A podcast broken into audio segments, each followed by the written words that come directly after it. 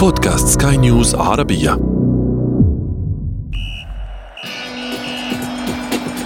أثير الكرة.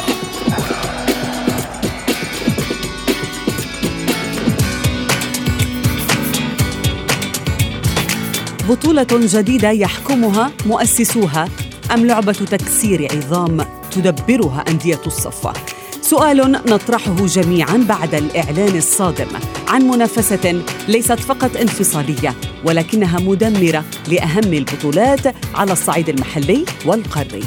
ساعات حاسمة رفعت وتيرة الأحداث ومستوى الغضب في كل مكان فانهالت التصريحات والتنديدات من هنا وهناك والعقوبات تزداد صرامة من جهة أخرى لكل من يقرر أن يؤسس دولتان في دولة واحدة. فأي تعايش مستحيل قد يتم. وكيف سيكون الحال وسط كل هذا الخلاف الرياضي والسياسي والاقتصادي؟ دعونا نبحث أكثر في صلب هذا الإعلان المثير. معي أنا شذى حداد والبداية من العناوين. تحد صريح لهرم اللعبة بإنشاء دور السوبر الأوروبي والعقوبات تقف بالمرصاد. أروقة السياسة الأوروبية ومسؤولو الكرة يحذرون من حرب قد تضرب قلب اللعبة وتغير خارطتها. وفي فقرة ما لا تعرفونه عن كرة القدم نكشف لكم رقم القميص الذي لم نعد نراه إلا في المكسيك. أثير الكرة. نرحب بكم من جديد مستمعينا الكرام أينما كنتم في حلقة جديدة من أثير الكرة وفيها نتحدث اليوم عن زلزال السوبر ليج الذي ضرب كرة القدم الأوروبية اليوم.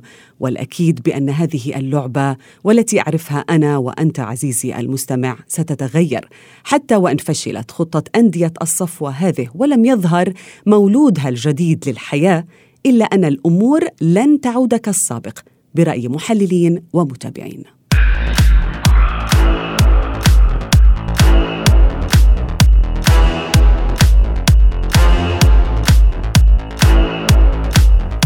الأمور أصبحت رسمية مستمعينا الكرام بعد ساعات من القيل والقال وظهر بيان مشترك من الأندية الاثني عشر بإطلاق دوري السوبر الأوروبي. رغم اعتراض الفيفا واليويفا وتصريحات مسؤولين كبار ينددون بالفكرة مثل رئيس الوزراء البريطاني بوريس جونسون وأسطورة التدريب السكوتلندي سير أليكس فيرغسون وغيرهم الكثير. السوبر ليج بطولة غير تابعة لأي اتحاد رياضي بل يحكمها مؤسسوها فقط. ولكن ما قصتها ومن صاحب هذه الألف فكرة؟ دعونا نتعرف على ذلك في تقرير الزميل محمد عبد السلام وقراءة رامي حسن. يبدو أننا أصبحنا على مشارف عهد جديد لكرة القدم. بطولة جمعت الملايين من المتابعين حولها وضخت المليارات في جيوب الأندية. ستودعنا بأمر من مؤامرة أوروبية لصالح بطولة أخرى لا يعرف عنها الكثير.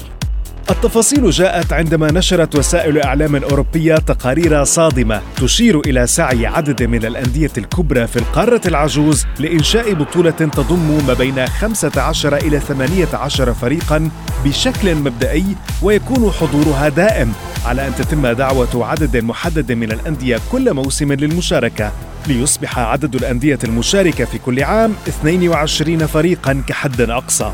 وأكدت التقارير الإعلامية على أن الأندية الكبرى التي وافقت على المشاركة في البطولة والتي سيطلق عليها اسم دوري السوبر الأوروبي هي ريال مدريد وأتلتيكو مدريد وبرشلونة من إسبانيا ويوفنتوس وإنتر ميلان من إيطاليا ومانشستر يونايتد ومان سيتي بالإضافة إلى ليفربول وأرسنال وتشيلسي من إنجلترا مع احتمالية انضمام توتنهام إليهم.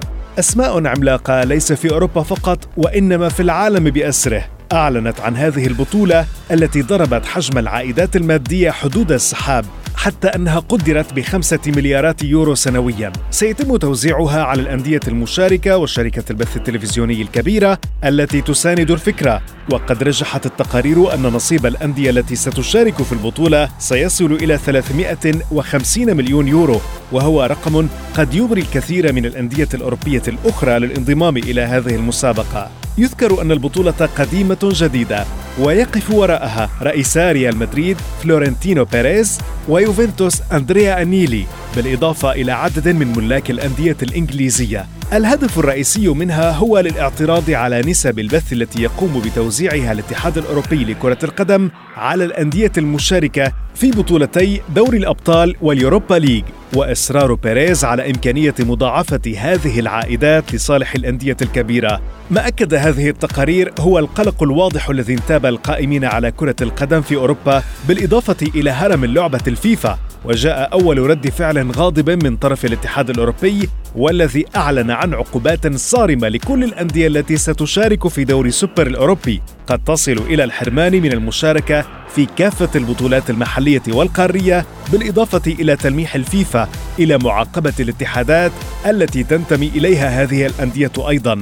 أنباء متضاربة من كل الأطراف وغضب عارم من المسؤولين الكبار. ولكن الأكيد في هذا وذاك أنه إن حدث ورأت البطولة النور فإن الخاسر الأول سيكون الاتحاد الأوروبي للعبة لثقل حجم الأندية بالإضافة إلى إمكانية خسارة المتابعين للعبة مشاهدة مثل هذه الفرق في البطولة الأكبر للأندية في العالم. فمن المستفيد الأول في كل ما يحدث؟ أثير الكرة.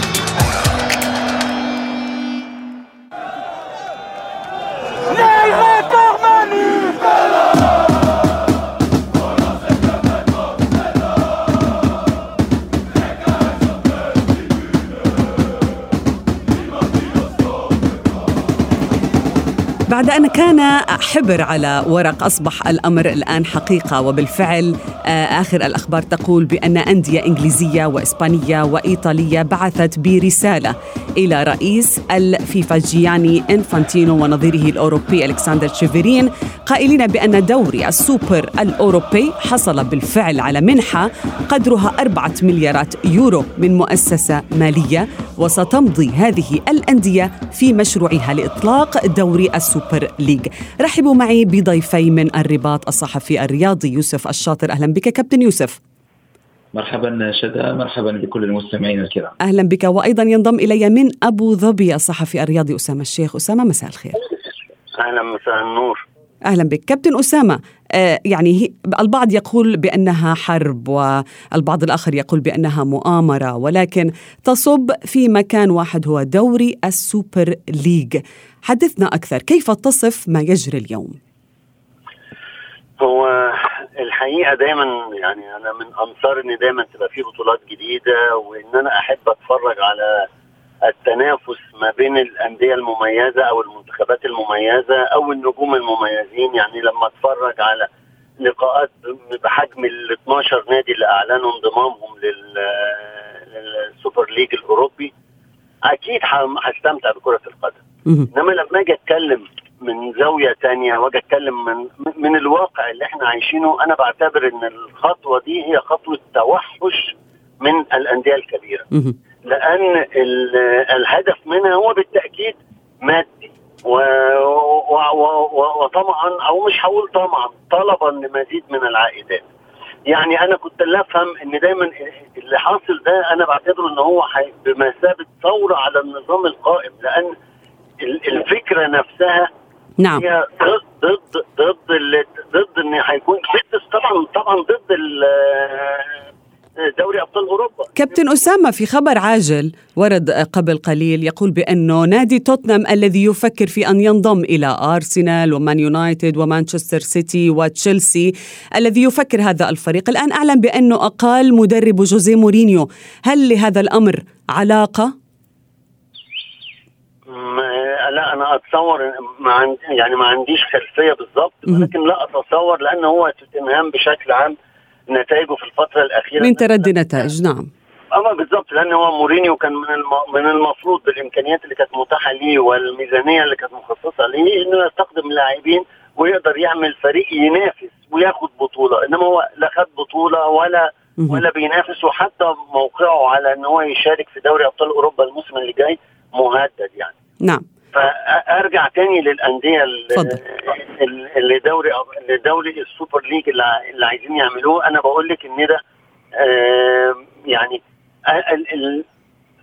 الفكرة نفسها بتهدد نظام كرة القدم في العالم. لأن أنا دلوقتي الاتحاد الأوروبي بيعامل مسابقة دوري أبطال أوروبا وطبعا هي الناس كلها بتتكلم عن إنها واحدة من هي تعتبر أقوى مسابقة موجودة حاليا لأنها بتضم أكبر أندية أوروبا.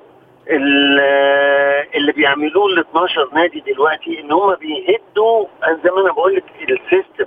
ال system نفسه. وشيء طبيعي انه يرفض الفيفا ويرفض الاتحاد الأوروبي الكلام ده لأن زي ما أنا بقول لك سيؤدي إلى انهيار النظام نفسه. هم يرفضون الآن كابتن يوسف الشاطر وهناك بعض الأخبار التي تقول بأن عقوبات صارمة جدا بحق هذه الأندية من المنتظر أن يتم بالفعل إصدارها. ولكن كابتن يوسف هل من قانون يسمح بأن أندية تقوم ب بوضع بطولة مثل هذه وأن ترى النور في المستقبل من نفسها وليس بالاتفاق مع أي اتحاد أو أي حتى رابطة؟ آه، شدا طبعا القانون غير موجود لكن الأندية الكبرى تقريبا في أوروبا في مختلف الدوريات تملك الحق في آه، في إنشاء البطولة التي تحب. وأين تملك كامل الحرية أن تلعب في البطولة التي تحبها هي؟ الأندية الأوروبية الآن تقود تمرد كبير على المستوى كرة القدم على مستوى العالم. تغيير جذري في عالم كرة القدم هي شبه حرب ستتطور لتصبح حرب قانونية لاحقا بين الاتحاد الأوروبي الفيفا وبين هذه الأندية الأوروبية.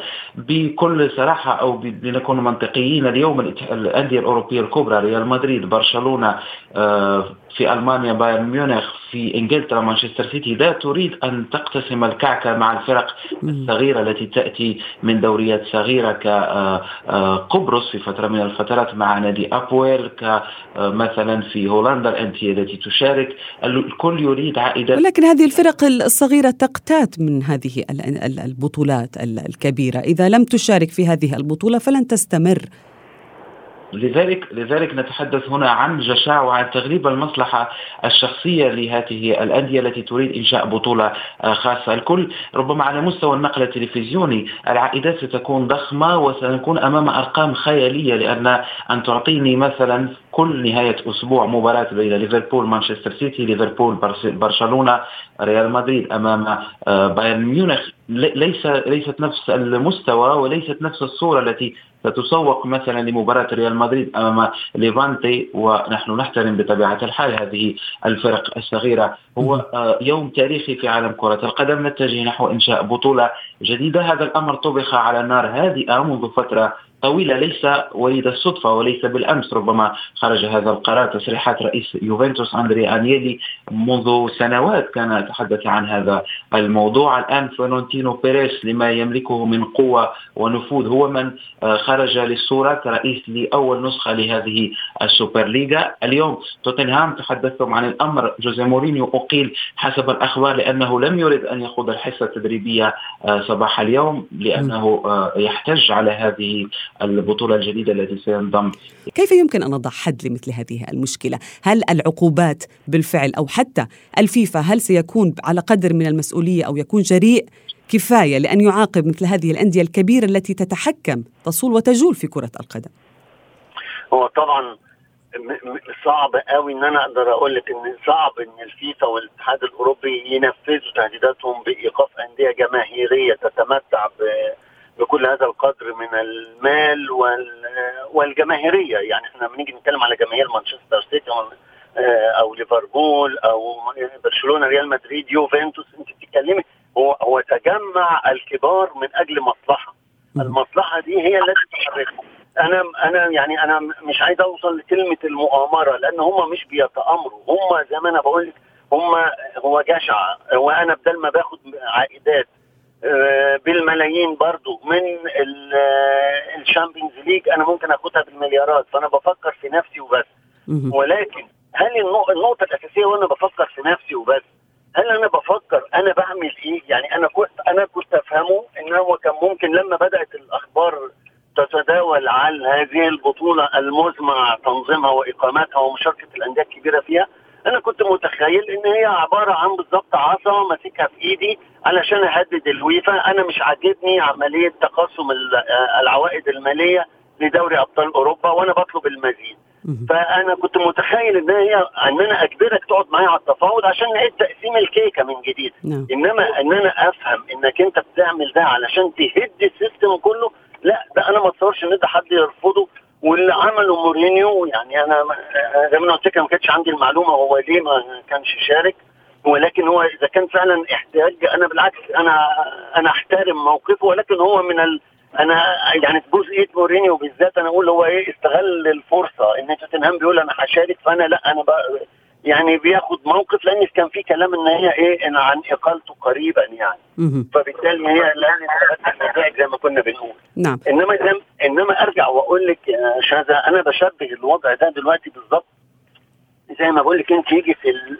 في البيت عندك يجي حد يجي ابنك ويجي يقول لك إيه أنا هاخد نص البيت ده ما حدش يدخل فيه. أنت ابني الكبير وبالذات بقى لو جيت كبير يعني اللي هو المفروض ال... وليس الصغير الطائش مثلا. نعم. وليس الطائش بالظبط كده. لا. فتخيل أنت لما يجي يقول لك أنا هاخد ال- الجزء ده ومحدد ده الجزء ده من البيت محدش يقرب منه. مهم.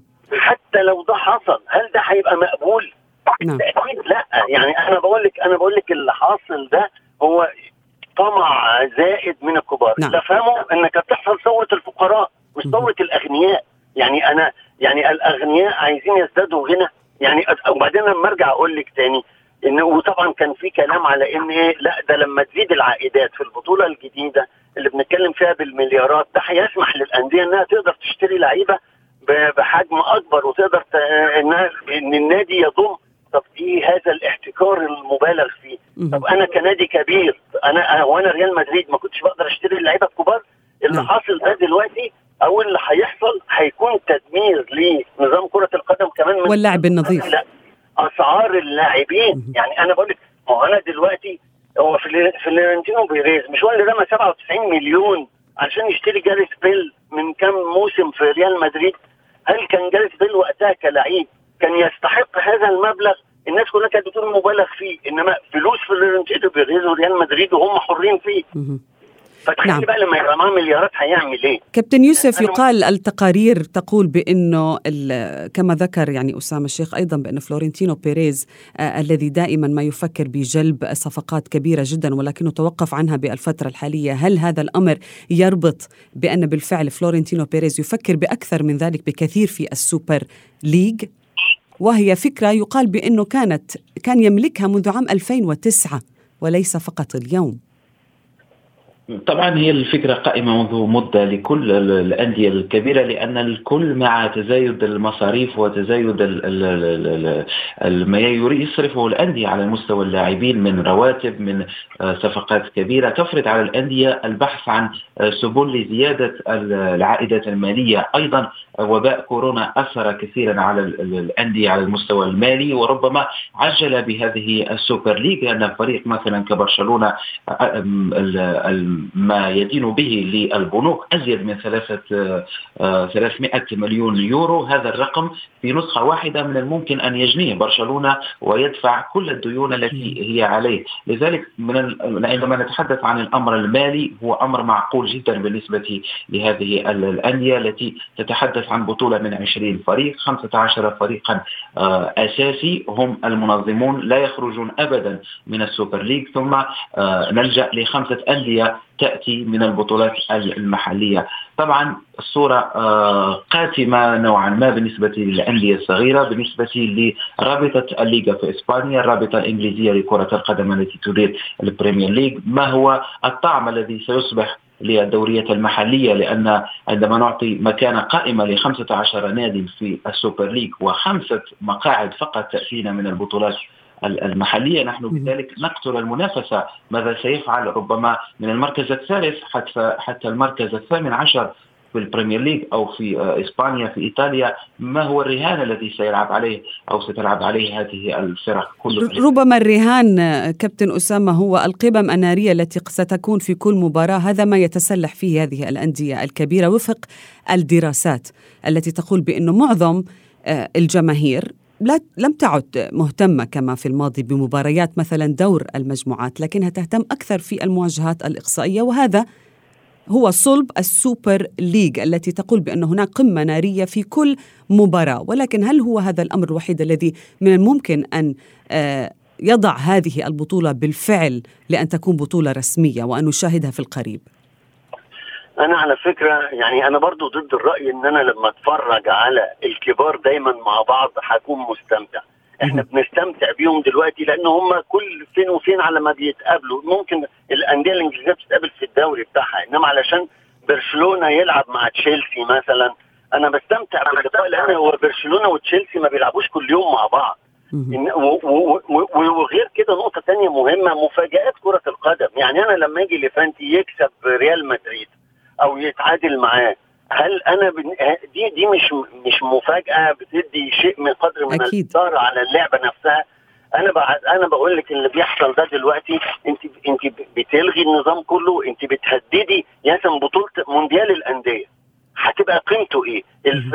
طبعا الفيفا هو كمان ما هوش أقل أنا آسف في الكلمة مش أقل جشعا من الأندية الكبيرة. هو كان وإنفنتينو لما بيفكر يعمل مونديال أندية ويجمع فيه مش عارف 48 فريق أو 48 نادي ولا 48 نادي ويعملها كل أربع سنين وتبقى كأنها بطولة زي كأس العالم. هو بيفكر في بطولة شبيهة بكأس العالم تجيب له فلوس تاني. ما تبقاش مونديال الانديه اللي هي عبارة عن أبطال القارات اللي هم الثمان فرق اللي بيلعبوا كل سنة. إنما أنا بقول لك اللي هيحصل ده ده هيبقى هو ده مونديال الانديه ولكن بشكل دائم وشكل دوري أنا بقول لك هيقضوا على متعة كرة القدم الحقيقية في إن أنا أتفرج على احتمال إن تحصل مفاجأة. إنما لو تشيلسي غلب برشلونة عادي أو برشلونة غلب تشيلسي عادي لو اتعادلوا عادي يعني هستمتع بالشو نفسه. إنما إيه الغرض في الآخر من لعبة كرة القدم؟ المفاجآت يعني والمتعة كما ذكرت. بالظبط كده وهي الإثارة. أنا أنا بقول لك وغير كده إحنا عمالين دلوقتي بنتكلم على تأثير الفلوس اللي هيخش للأندية الكبيرة. إنما ما حدش بيتكلم دلوقتي عن الأندية الصغيرة. ماذا ستخسر؟ آه الأندية بقية الأندية شيل 12 نادي من العالم. بقية الأندية اللي في أوروبا دي هتعمل إيه؟ أنا أعتقد إنها هتفلس هل الدوري الأسباني من غير برشلونة لو حصل ونفذت عقوبات هنتخيل دلوقتي إن الويفا ضغط على الاتحاد الأسباني ووقف برشلونة وريال مدريد وأتلتيكو مدريد وده طبعا غير وارد يعني صعب قوي إن إحنا نتخيله ولكن هل نتخيل إن الدوري بعد كده بنقدر نقول باسيسونا وبليفنتي وده هل ده حي ده هيدخل عوائد؟ هل يعني أفترض حتى ندي مثل تشبيه الرجاء والوداد لو خرجوا من الدوري المغربي أو الأهلي والزمالك ولكن أرجع وأقول لك إيه قيمة الرجاء والوداد من غير بقية الأندية المغربية؟ وإيه قيمة الأهلي والزمالك من غير بقية الأندية نعم يكملان بعض ولكن إذا ما نجحت الفكرة يعني يوسف وأقيمت هذه البطولة هل يستطيع الاتحاد الأوروبي أو الاتحادات المحلية حتى تنفيذ تهديدها وحرمان أندية بهذا الحجم أو أو من المشاركة في البطولات المحلية أو حتى القارية؟ طبعا الأمر طبيعي جدا معقول. الأندية الأوروبية ستعاقب من طرف الاتحاد الأوروبي بمنعها من المشاركة في مسابقتي دوري الأبطال والدوري الأوروبي. سيتم منع برشلونة ريال مدريد من المشاركة وأتلتيكو مدريد الذي ما زال لم ينشر بلاغه الرسمي من المشاركة في مسابقة الليغا لأن الرابطة التي تشرف على آه، تسيير الليغا يرأسها خافيير تيباس كان صرح مؤخرا في مناسبات كثيرة أن لا مجال لهذه ال super league وإن حدثت سأعاقب برشلونة ريال مدريد وأتلتيكو مدريد. أظن نفس الشيء في إسبانيا في فرنسا في عفوا في إيطاليا. في إنجلترا آه ننتظر الفرق التي ستنضم مؤخرا ربما بايرن ميونخ آه سينضم بدوره للأندية باريس سان جيرمان. هناك حديث حتى عن وقف الدوري أبطال أوروبا في هذه اللحظة وتتويج باريس سان جيرمان ربما أو الفريق الذي لم ينضم بعد بما أن الفرق الأخرى سيتي ريال مدريد التي تشكل نصف النهائي انضمت نعم. كلها لهذه المسابقة. فقط ربما جزئية تتعلق بالاتحاد الدولي لكرة القدم جاني إنفانتينو على المستوى الإفريقي. بشكل سريع كابتن يوسف. نعم. بشكل سريع هو هو يتحدث كثيرا عن إنشاء بطولة super league على المستوى الإفريقي ب 20 فريق تضم الفرق القوية على المستوى الإفريقي. نعم. ربما كيف يريدها في إفريقيا ولا يريدها في في أوروبا. الحديث مستمر عن هذه البطولة سنواصل عنها في حلقات آه، مقبلة. ولكن شكرا لكما الصحفيان يوسف الشاطر وأسامة الشيخ. أثير الكرة.